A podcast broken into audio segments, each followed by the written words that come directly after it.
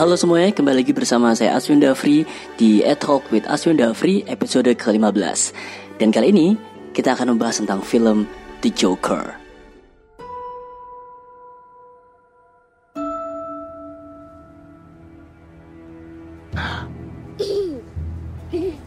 Can you please stop bothering my kid? Sorry. Arthur, I have some bad news for you.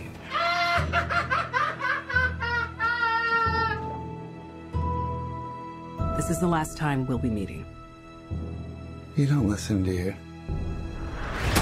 You just ask the same questions every week. How's your job? Are you having any negative thoughts? All I have are negative thoughts. World where everyone thinks they could do my job, check out this guy. When I was a little boy and told people I was going to be a comedian, everyone laughed at me. Well, no one's laughing now. You can say that again, pal.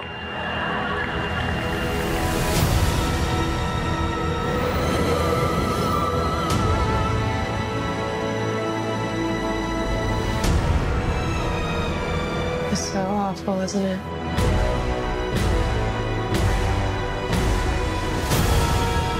For my whole life, I didn't know if I even really existed. But I do.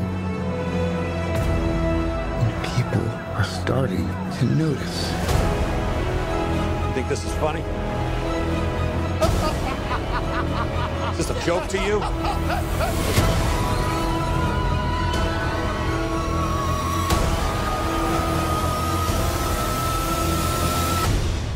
Murray, one small thing.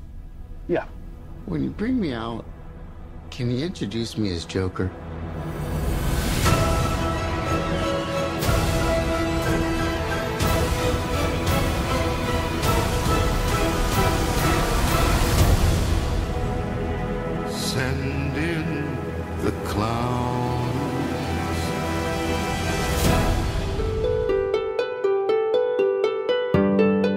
Hai semuanya, kembali lagi bersama saya Aswin Dafri Dan kali ini kita ngebahas tentang Joker. Jokernya bukan tentang review filmnya Atau tentang sinematografinya Tentang color gradingnya Atau skripnya Uh, That's not my part Itu bukan part saya Sudah banyak orang yang membahas itu. Saya juga tidak akan ngulik-ngulik tentang easter egg-nya. Kalau pengen tahu tentang easter egg Bisa lihat review film Joker di podcast teman-teman opini tengah malam dan juga ID Geekin Out. Saya akan membahas tentang salah satu penyakit dia yang menurut saya penyakit Joker satu ini adalah yang paling menyedihkan. Ironis menurut saya.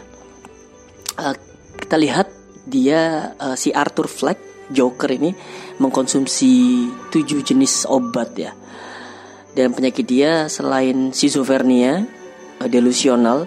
Dia berdelusi kalau pacaran itu salah satunya. Kemudian juga eh, narsistik akut. Dia suka sekali di depan cermin. Kemudian dia ingin sekali diakui. Dia dia ingin sekali dianggap bahwa dia ini ada gitu. Dan satu penyakit lagi yang membuat saya sedih setiap kali dia kambuh adalah pseudobulbar effect. Pseudobulbar effect ini kalau saya lihat di Google pseudobulbar effect adalah inappropriate involuntary laughing and crying due to a nervous system disorder. Jadi dia tidak bisa mengkontrol uh, kadang tertawanya meledak-ledak, kadang juga menangis tanpa dia bisa mengkontrol itu dan kadang-kadang itu tidak tidak tepat waktunya. Dan ternyata juga um, pseudobulbar effect ini tidak terkait dengan mood juga ternyata. Apa pun bisa terjadi gitu. Saat gak ngapa-ngapain tiba-tiba tertawa tidak ngefek dengan mood saya kurang tahu mungkin lebih detailnya ya karena I'm not a doctor. Di Indonesia kasus ini sangat jarang. Kurang dari 150 uh, kasus per tahun. Kurang dari 150 kasus per tahun. Ini menurut data yang saya koleksi, koleksi di Google. Uh, dan treatmentnya ini bisa membantu. Tetapi kondisi ini tidak bisa disembuhkan. Dan biasanya ini korban mengenali kondisi dia sendiri. Kalau kita lihat di film Joker setiap kali Arthur itu tertawa sebenarnya dia sedang bersedih gitu. Pernah waktu dia tertawa bahkan sampai menangis sampai tersedak gitu ya oh, oh, gitu. Tertawa banget.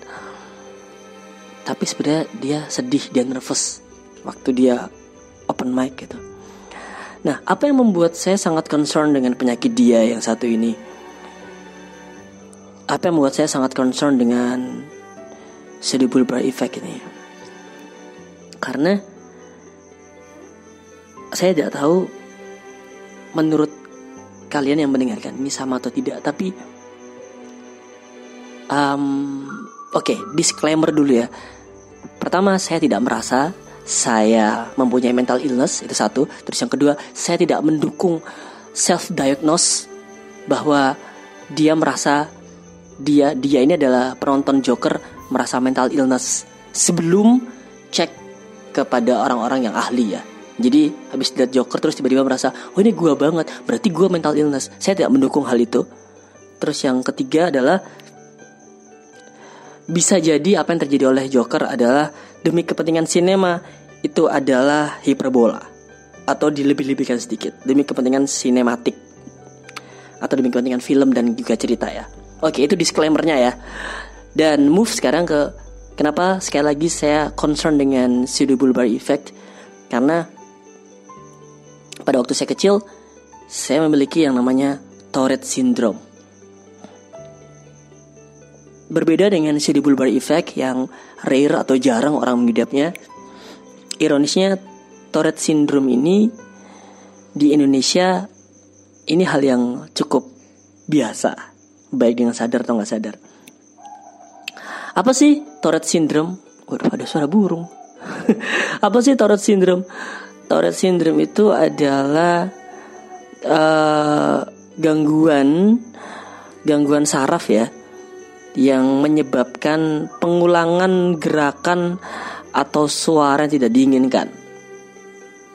Contoh, pernah nggak sih anda punya temen yang kalau diajak ngobrol tiba-tiba dia matanya matanya kedip-kedip gak jelas gitu atau tiba-tiba uh, bibirnya dibener-benerin gak jelas padahal dia nggak lagi ngapa-ngapain. Jadi kayak kedip-kedip kedip-kedip gak jelas gitu. Tahu kan? Dia adalah pengidap Tourette syndrome yang tidak akut. Saya pada waktu kecil bisa dibilang agak akut. Kronis lah ya. Awalnya Tourette syndrome saya ini karena saya gagap. Saya adalah orang gagap. Ini dibahas di episode pertama Etalk. Bagaimana seorang gagap menjadi penyiar. Untuk mengatasi kegagapan saya, saya biasanya memulai dengan gitu. Saya berdaham dulu. Kemudian saya lanjut ngomong. Karena memulai sebuah kata atau huruf itu susahnya minta ampun. Gitu kan.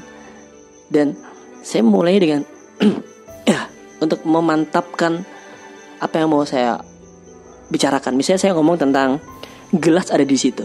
Saya bisa gini. Gelasnya di situ loh. Setelah saya berdam beberapa kali. Hmm, percayalah itu perjuangan buat saya.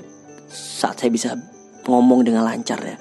Kemudian karena terbiasa saya berdaham, berdaham, berdaham sampai akhirnya itu menjadi sebuah kebiasaan dan saya berdaham tanpa sebab, tanpa maksud dan tanpa saya ingin ingin, ingin berbicara. Kadang saya di motor digonceng gitu sama orang tua saya, saya gak jelas.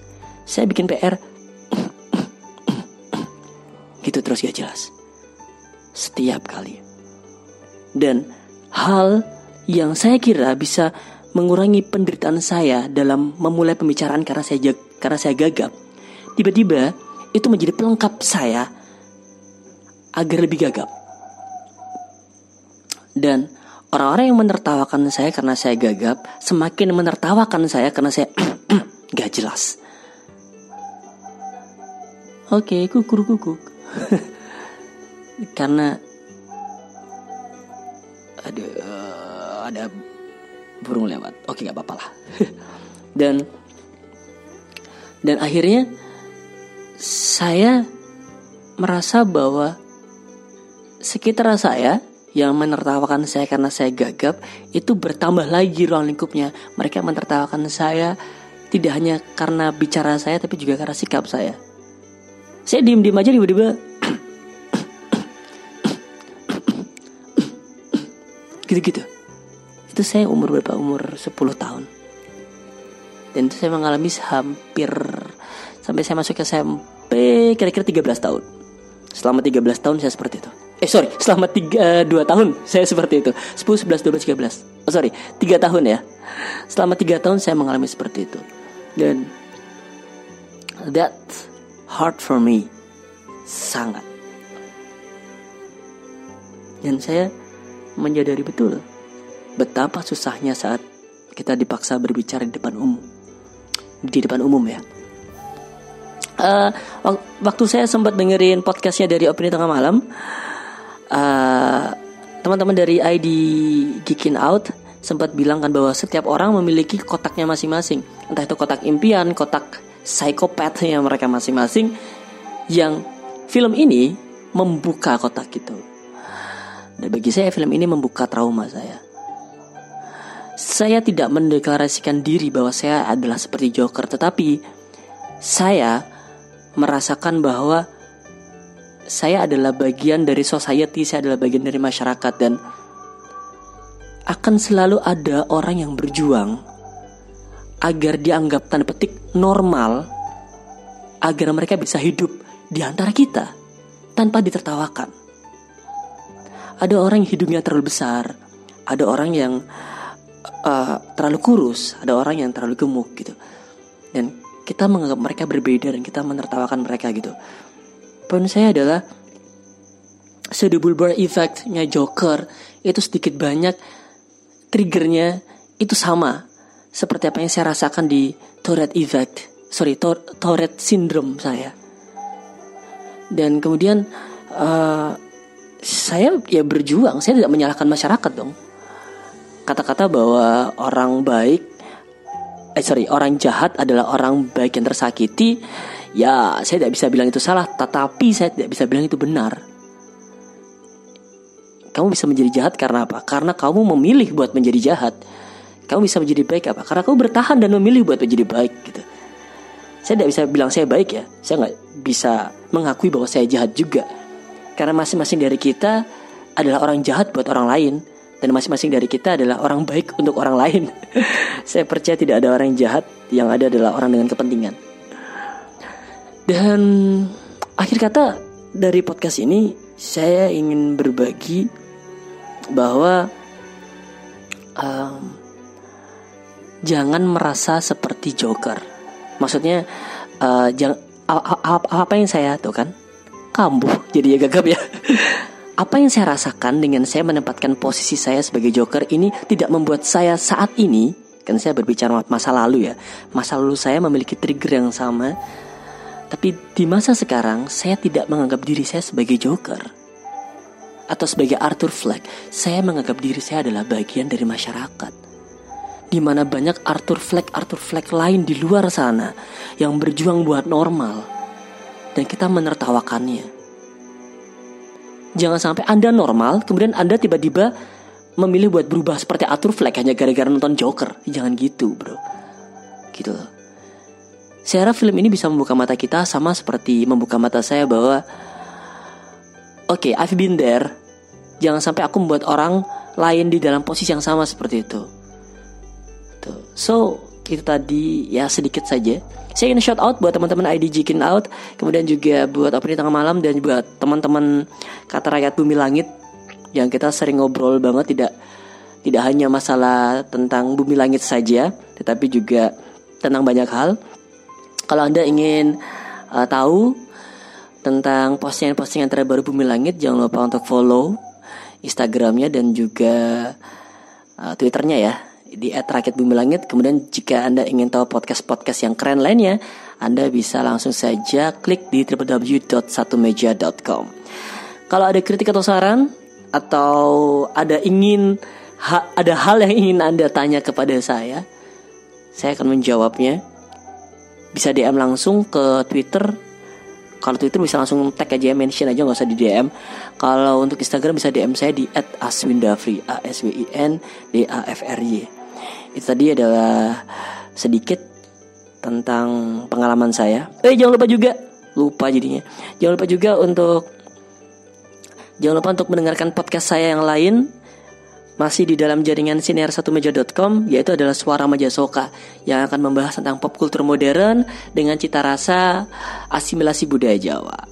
Itu tadi sedikit tentang saya. Kalau begitu saya Aswin Dafri pamit dulu kita bertemu lagi di episode berikutnya. Jangan lupa A Talk with Aswin Dafri adalah bagian dari siniar1meja.com.